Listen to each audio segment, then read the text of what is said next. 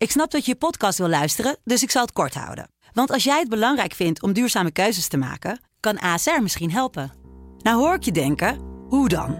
Nou, bijvoorbeeld bij het duurzaam herstellen van schade. Of de premies die we beleggen volgens ons duurzaam beleggingsbeleid. Dat bepaalt waar we wel en juist niet in investeren. Wil je meer weten over welke duurzame keuzes ASR maakt? Ga dan naar asr.nl slash duurzame keuzes. ASR doet het. Zo, dan kan je nu lekker naar je podcast luisteren. Dit is het Telegraafkwartier. De dagelijkse nieuwspodcast van de Telegraaf.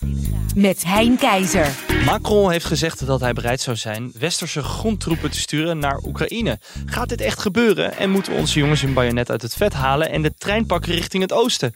Dat bespreek ik met buitenlandverslaggever Thijs Wolters. En over de trein gesproken, de NS leidt een miljoenenverlies. Bovendien stond 2023 bol van vertragingen, verstoringen en te drukke treinen. Reisverslaggever Koen Nederhof sprak met de topman Wouter Koolmees. Thijs, om eh, even te beginnen met Macron. Hij zei afgelopen maandag op een top in Parijs dat hij eventueel westerse troepen zou willen sturen. Zeg ik dat goed? Hij wil niet uitsluiten Oh ja. dat het Westen mogelijk troepen naar Oekraïne gaat sturen. Bot sur la terre, Mhm. boots on the ground. Ehm, ik denk dat je het vooral moet zien als een aankondiging van een discussie die eh, voorlopig nog wel even zal gaan lopen. Alleen al op basis van de eerste reacties die we nu internationaal zien binnenkomen. Jens Stoltenberg, NAVO-baas. Voorlopig niet meneer Macron. Mhm. Verschillende Europese lidstaten hebben ook al aangegeven dat ze het nu nog te vroeg vinden voor daadwerkelijke militaire eh, op de grond in, in Oekraïne. Maar dat geeft, dat, dat verschil is tussen die reacties, dat is al vrij subtiel. Want dat was van de Zweedse premier die zei van dat hij dat nu nog niet wil doen. Ja. Maar dat nog impliceert al dat hij het ook niet wil uitsluiten, net Ja. zoals Macron. Waarom zegt Macron het dan toch? Waarom op, op dit moment in de oorlog? We zijn twee jaar verder. Hij zei het in de context van een vraag van wat moet het Westen gaan doen met het oog op de verkiezingen in eh, de Verenigde Staten. Wat als daar de Republikeinen weer aan de macht komen, die op dit moment inderdaad een hulppakket, een Amerikaans hulppakket voor Oekraïne blokkeren. Zijn reactie daarop was dat we dus niet moeten uitsluiten eh, dat we zelf als Europa troepen moeten sturen. In die context moet je het zien. Ja. Je moet het ook zien in de context dat, dat Macron al jaren eh, als stokpaardje heeft dat hij naast de NAVO nog een soort Europees leger wil hebben. Mhm. En, en dat is natuurlijk ook eh, de context waarin hij dit weer heeft gezegd. Ja, hij, hij is duidelijk om te laten zien van Europa blijft Oekraïne steunen. Is dat nou een antwoord richting Rusland of meer een antwoord richting Amerika? Ik denk dat je het vooral in de richting van Rusland moet zien. Want dat, dat heeft hij zelf ook aangegeven. Hij zegt, als Rusland verliest in Oekraïne, is dat gunstig voor de vrede en veiligheid in Europa. Mhm. Dus in dat opzicht is dat duidelijk. Tegelijkertijd, Kremlin reageerde vandaag, Dmitri Peskov, de woordvoerder van eh, eh, president Poetin, met van, ja, op het moment dat eh, er NAVO-troepen, dat maakt hij er dan nu van. Hè? Ja. Macron heeft dat duidelijk, ge- die heeft het woord NAVO niet eens in de mond genomen. Peskov heeft het wel meteen over de NAVO. En die zegt op het moment dat er NAVO-troepen in Oekraïne aanwezig zijn, dan is het niet meer een, een, een waarschijnlijkheid dat er oorlog komt tussen Rusland en NAVO. Dan is dat onvermijdelijk. Mhm. En, en dat is ook meteen de grote crux van het verhaal. En de reden dat veel westerse leiders nu nog zeggen van... nou, meneer Macron, Wacht nog maar even. troepen sturen, dat weet ik nog niet zoveel. Ja. Kijk, dat is inderdaad wat er dan gaat gebeuren. Dan komt er daadwerkelijk oorlog tussen Rusland en het Westen, Rusland en de NAVO. Tegelijkertijd, wat ik al zei, het is natuurlijk wel heel duidelijk dat Peskov de NAVO erbij haalt, terwijl Macron het puur heeft over wat moet Europa doen op het moment dat Trump en de Republikeinen aan de macht komen in de VS. Mhm. Ik vind het wel opvallend, want voor de top zette onder andere de Duitse bondskanselier Scholz een streep door het beschikbaar stellen van Duitse Taurus kruisraketten voor Oekraïne. Mhm. Dat laat al een beetje een terugtrekkende beweging zien. Nu gaat Macron ja, een soort van handreiking doen. Zelensky heeft volgens mij ook al gereageerd van dit hadden we even nodig. Ja, ja. Gaat dat nog voor meer frictie zorgen binnen Europa, los van Oekraïne?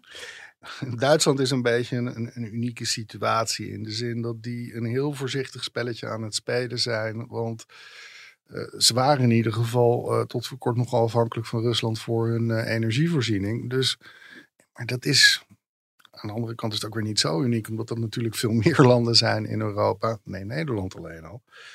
En dat is natuurlijk een, een, een spelletje dat je al twee jaar sinds de invasie gespeeld ziet worden. Dat, dat mensen, de politici toch nog heel erg op hun woorden letten van... Kijk, oké, okay, Rusland is niet onze vriend.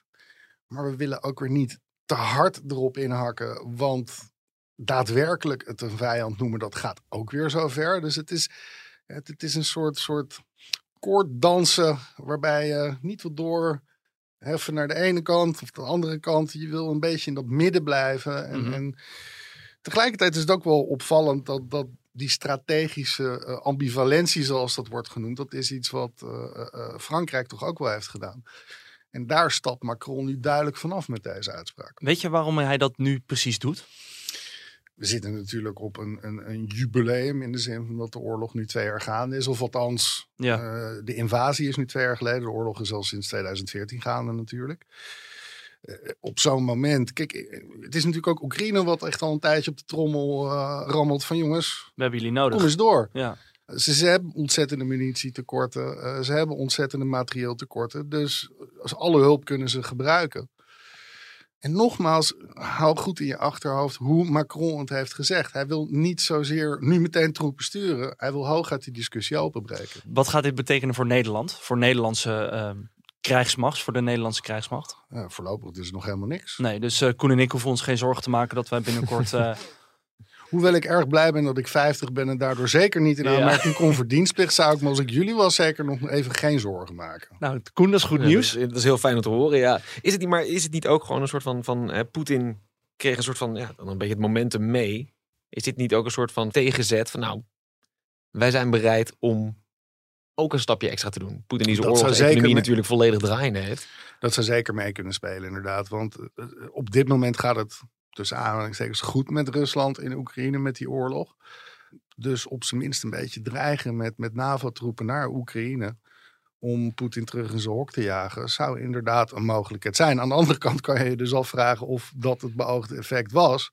Als je dus weer kijkt naar de reactie vanuit het Kremlin vandaag. Ja, maar kan je ze beter, ja, maar dat is heel cynisch gedacht van mij. Je kan ze beter misschien nu aan dan over acht jaar als ze echt helemaal op volle sterkte zijn. Nou ja, dat is natuurlijk de, de, de interessante discussie. En, en de geschiedenis herhaalt zich nooit. Maar het is altijd heel verleidelijk om met name de aanloop van de Tweede Wereldoorlog erbij te pakken. Van, is Oekraïne het Sudetenland van de 21ste eeuw?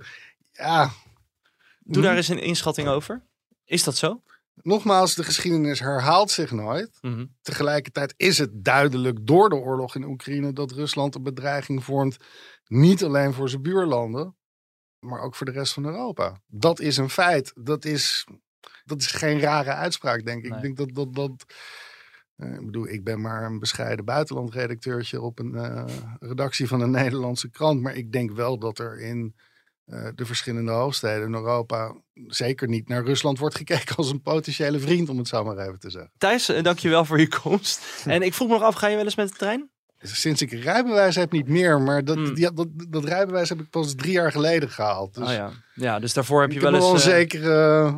Affectie of uh, haatliefde? Dat vooral. Haatliefde. Uh, nou ja, daar kunnen we het vandaag uh, zeker over hebben, want er zijn dieprode cijfers bekend geworden van de NS. Ja. Koen Nederhof, reisverslaggever van de Telegraaf. Jij sprak Wouter Koolmees. Ja, klopt. Ik kan me zo voorstellen, hij is natuurlijk een bekend roker dat hij al aardig wat uh, stresssigaretjes heeft weggepaft. Ja, dat is heel flauw. We hebben hem natuurlijk een paar maanden geleden betrapt op een plek waar hij niet mocht roken op ja. zijn eigen station. En daar stond hij toch even een saffie te doen. Nee, ik, ik, ik weet niet of hij op uh, perron 2 van Amsterdam Centraal, waar hij nu de persco hield, in een, in een gebouw daarachter, of hij daar ook heeft aan paffen. Maar het, het zijn geen leuke cijfers die hij moest presenteren. En wat Thijs zegt is grappig. Een van hun problemen is dat er in coronatijd heel veel mensen een auto hebben gekocht of een tweede auto, omdat ze niet met de trein wilden reizen. Want het was allemaal gevaarlijk in die trein. Ja, dat werkt nog steeds door. Ja, werkt, is, dat, e- is dat echt zo dat die cijfers nog steeds, dat mensen dus voor de auto hebben gekozen in die tijd? Ja, dat ze, hebben, daar... ze hebben een soort van, van, van ja, per, nou, perfect storm vind ik dat een beetje een, een lelijke term, maar een aantal problemen die bij elkaar komen. Eén, er zijn veel mensen die zijn gaan thuiswerken. Nou, die mensen stappen niet in de trein. Dan zijn er ook veel mensen die kiezen voor de auto. je ziet de file druk wel toenemen, maar in de treinen zitten nog steeds beduidend minder mensen dan voor corona. Nou, dat betekent ook dat er dus, ja, die mensen geven geen geld uit aan treinkaartjes en dat werkt door in die cijfers. Hebben we nog eens een keer veel werk aan het spoor, cao-lonen die omhoog zijn gegaan, een personeelstekort waardoor de treinen die ze kunnen laten rijden vaak korter zijn. En nieuwe treinen die te laat of nou ja, niet geleverd worden. Kan jij eens uh, inzoomen op de cijfers? Wat is het daadwerkelijke verlies wat de NS heeft gemaakt? Onder aan de streep staat er een min van 380 miljoen euro. Ja. Op, uh, en dat, dat op een, uh, een, een jaaromzet van ongeveer 3,7 mm miljard. Dus ja. dat is echt behoorlijk. Dat en dat heeft er deels mee te maken dat ze ook weer hebben moeten afschrijven naar de toekomst toe. Mhm. Omdat op de concessies die ze hebben, daar hadden ze een bepaalde verwachting van, nou, daar gaan zoveel mensen op reizen en dat levert zoveel op. Maar ja, aangezien er veel minder mensen in de trein zitten, gaan die lijnen ook weer minder opleveren. Ah ja. Dus ze moesten ook de verwachting naar de toekomst bijstellen. Nou, dat zorgt ervoor dat ze extra diep in het rood duiken. Hoe gaat Wouter Koolmees dit dan oplossen? Want ik heb het idee dat dit al een aantal jaren een probleemkind is binnen Nederland, de NS. Ja, het is, het is eigenlijk al, altijd een beetje het, uh, het, het, het, probleemkindje. Ze willen deels nog steeds ervoor zorgen dat mensen uh, op andere tijden reizen dan dat ze nu doen. Dus buiten de spits hebben we daar ook een soort van, van programma voor opgezet, waardoor je met korting weer buiten die spits kan gaan reizen. Gaan ze, het niet, gaan ze het niet meer de prijs omhoog gooien? Want, want dat wilden ze eerst gaan doen, toch? Dat ze de prijzen in de, spi in de spits op, op zouden gooien en dan in het dal dat het goedkoper zou zijn. Ja, klopt. Nou, wat, ze nu, wat, wat er nu een beetje gebeurt is dat, eh, en Koolmees drijft het volgens mij ook bewust een beetje op de spits. Die heeft nu gewoon gezegd van luister, per 2025 moeten wij de prijzen echt behoorlijk omhoog gaan gooien. We zitten met een, een flinke inflatie, die hebben we nu niet doorgerekend in de tickets omdat de Tweede Kamer heeft besloten ons te helpen. 120 miljoen toegestopt, zodat de prijs niet omhoog hoefde. Maar dat is incidenteel dus eenmalig geweest. Dus per volgend jaar ja, ziet hij wel aankomen dat ook met de inflatie die dan dit jaar nog eens een keer plaatsvindt, de prijzen omhoog moeten. En dan kom je op 10, 12 procent mhm. erbij. Ja. Maar hij zegt ook, ja, regionale vervoerders, die zijn structureel geholpen. Daar is 300 miljoen tegenaan gegooid. Dus Tweede Kamer, ga maar eens kijken wat je doet. Wil je ons opnieuw helpen en zorgen dat die trein betaalbaar blijft? Of zeg je, nou zoek het zelf maar uit NS en dan gaan we het op de reiziger afwentelen. Ja. Nou ja, uh, ik heb net gezien dat uh, wat betreft de VVD, Koolmees op een hoorzitting mag komen in de Tweede Kamer om eens even uit te leggen hoe die denkt dat het gaat. Ja. Nou ja, dat spel is wel op de wagen. Het is echt heel erg de vraag wat dan de Tweede Kamer gaat doen. Zeg, want die hebben natuurlijk wel groene ambities en zeggen, nou, we moeten allemaal de trein in en de auto uit. Nou ja, uh, put your money where your mouth is. Ja. Ja. ja, want inderdaad, waarom zou ik meer geld gaan betalen op tijdstippen gaan reizen die me eigenlijk niet uitkomen als ik ook gewoon in de auto kan stappen? Dan is er toch nul motivatie voor mensen om die overstap te maken. Het is een beetje, ik schrijf ook veel over luchtvaart. Nou ja, je kan je heel erg afvragen waarom je in een internationale trein zou stappen die duurder is als je ook kan vliegen. Tegelijkertijd, als je voor vliegen een eerlijke prijs zou betalen, dan zou die trein een stuk aantrekkelijker worden. Ja, als je als regering besluit om autorijden duurder te maken en dat geld te steken in het openbaar vervoer. Ja, dan krijg je een tegenbeweging. en dat is een beetje de vraag die hij voor met het kabinet wat er nu aan zit, lijkt te gaan komen. Maar goed. Dat zie ik ook niet zo snel gebeuren. Maar goed, dat is wel het balletje wat hij een beetje opspeelt, merk ik. Maar ondertussen, 2023 was een jaar van uh, veel vertragingen, volle treinen. Dus dat, dat kleeft er ook nog eens om me heen. Dat dat eigenlijk helemaal niet, dat dat ook al niet op orde is. Ja, je hebt nu eh, letterlijk als je uh, in de trein wil stappen, je moet eerst met de fiets naar station toe. Nou, daar kan je vervolgens dan je fiets niet kwijt in de stalling. Als je vouwfiets mee hebt, dan past die niet in het, in het gangetje omdat het te druk is. Ja, behalve als je in Utrecht Centraal uh, je fiets neerzet, want dat is de grootste van Europa. En dan vind je hem ook nooit meer terug. Kijk, daar kan je ook nog mee te maken hebben. Nee, maar dat, dat komt allemaal bij elkaar. Dan gaat je trein niet, die is, die is vertraagd, hij is te klein. Noem het allemaal op. Het komt allemaal bij elkaar. En daardoor, ja, ik snap wel dat je dan op een gegeven moment als treinreiziger afhaakt. Het verweer daartegen van de NS is van ja, luister, de prognoses, die zijn niet per se alleen van hen, maar ook van, van bijvoorbeeld het Kennisinstituut voor Mobiliteitsbeleid, is dat veel meer mensen met de trein gaan reizen. Dat betekent wel dat je moet investeren. Ja, dat betekent ook dat er gewerkt wordt aan het spoor. Kijk, ProRail is nu bijvoorbeeld bij Schiphol bezig. Daar liggen twee buizen, daar is één van dicht.